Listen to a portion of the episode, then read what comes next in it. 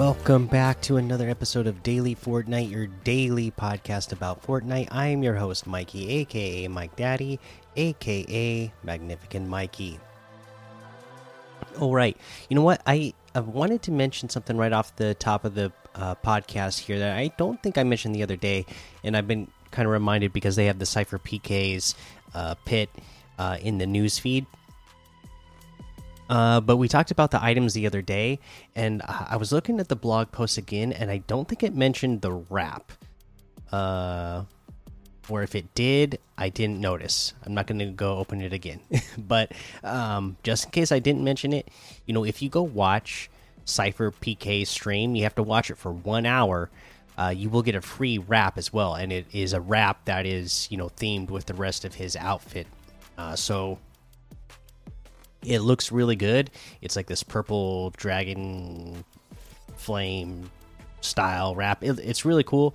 Anyways, uh, you have until the 22nd. So uh, this recording, it's on the 20th. So you still got a couple days left to go watch Cypher PK stream for an hour, so you can go get that wrap for free and unlock that.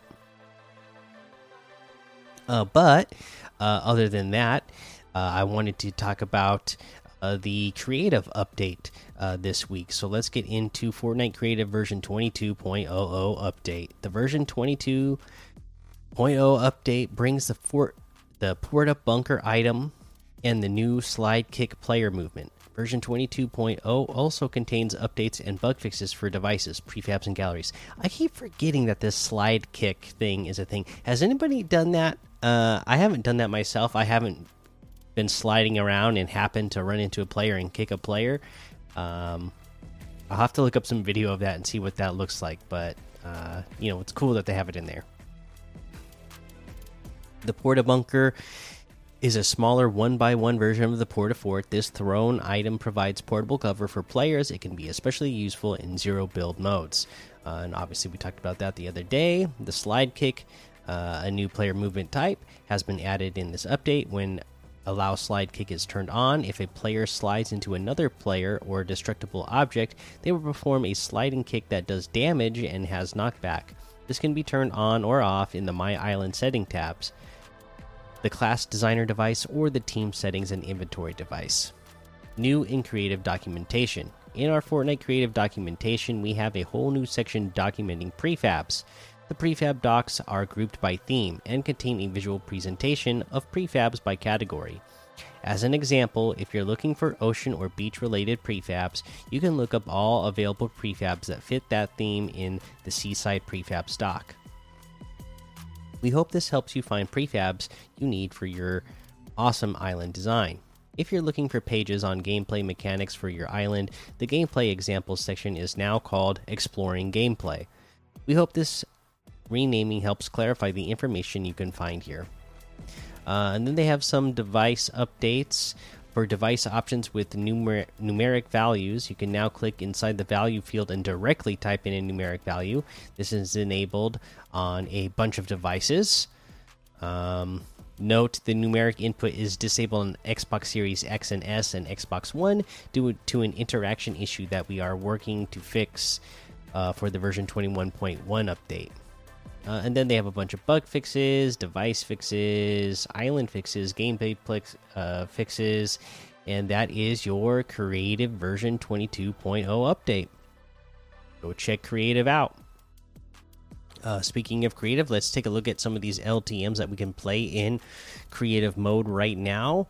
Uh, we got things like Tsurugi no Dojo, Sword Fight, 30 players, Sword Fight Don't Fall, Sword and Hammer Arena, Sword versus Hammer, Sword versus Hammer Team Deathmatch, uh, Sword TDM, Annie, 60 Swords 30v30 Battle, Escape 101, 150 level Easy Death Run, Spider Man Parkour, XP Island, 300 level Death Run, Zombie Island, Parkour Spiral, and there's a whole lot more to be discovered in the Discover tab.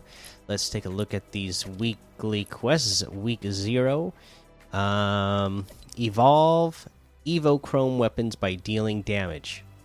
Hey, that's super simple, right? Uh, first of all, you have to get your hand on the Evo Chrome weapon, and then literally, yeah, just deal damage with it, and it evolves uh, the more damage you do with it. This is something I assume that you can easily do in Team Rumble uh, really quickly. It looks like you need to do five weapons in total, is what I what I see here. So there you go. Head over to Team Rumble, get that done super easily and super fast. Let's head on over to the item shop and see what's in the item shop today. The Woo wear is still here. Naomi Osaka, the Dreamer outfit for 1,200. The Castaway Jonesy outfit for 800. The Diamond Hands outfit with the Gains backbling for 1,200. The Chugga Chugga emote for 600.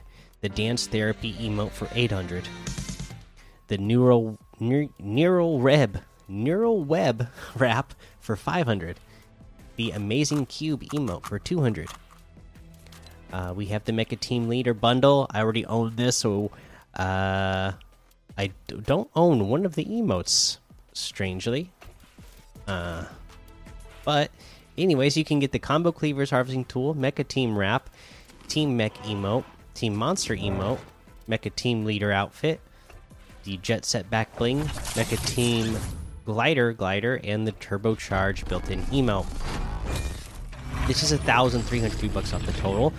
Um, I can get it for a total of 200 because the only thing I don't own is the Team Monster emote. Uh, oh no, I don't own the the cleavers or the wrap either. So I don't own either of the emotes.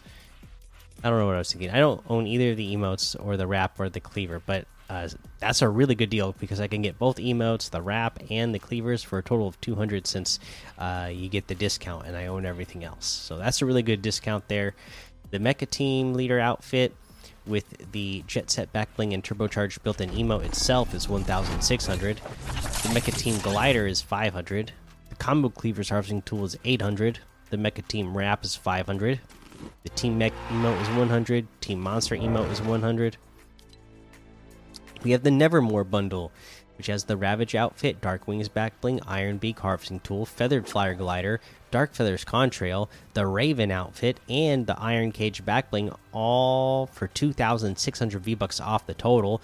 I already own Raven and Iron Cage, so I can get this bundle for a total of a thousand. Uh, the Raven outfit itself with the Iron Cage backbling is 2000. The Ravage outfit with the Dark Wings backbling and Dark Feathers contrail is 2000. Iron Beak Harvesting Tool is 800. Feathered Flyer Glider is 800. And then we have the Moncler Classic Bundle, uh, which will have the Andre outfit, Renee outfit, and the Summit loading screen, all for 1,800. And we have the Moncler Classic Gear Bundle, which has the Umbra Axe Harvesting Tool, Parapluie Glider, and the Umbra Tube Back Bling for 800.